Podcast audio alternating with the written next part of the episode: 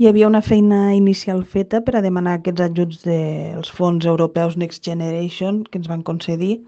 i ara el que hem de fer és posar fil a l'agulla i elaborar els plecs tècnics i els administratius per poder tramitar i tirar endavant els projectes i poder materialitzar-los. Hem de fer les licitacions i repartir les tasques als diferents departaments implicats, ja que,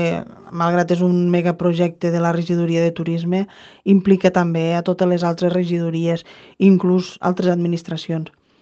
Avui hem encetat aquesta distribució de tasques dels projectes que, que tenen més prioritat per poder complir amb les dates que ens venen imposades com a condició per gaudir d'aquesta subvenció i bueno, anirem fent un seguiment periòdic per assegurar-nos de poder-los dur a terme, els 22 projectes que hi han, i que s'han de finalitzar abans del desembre del 2026.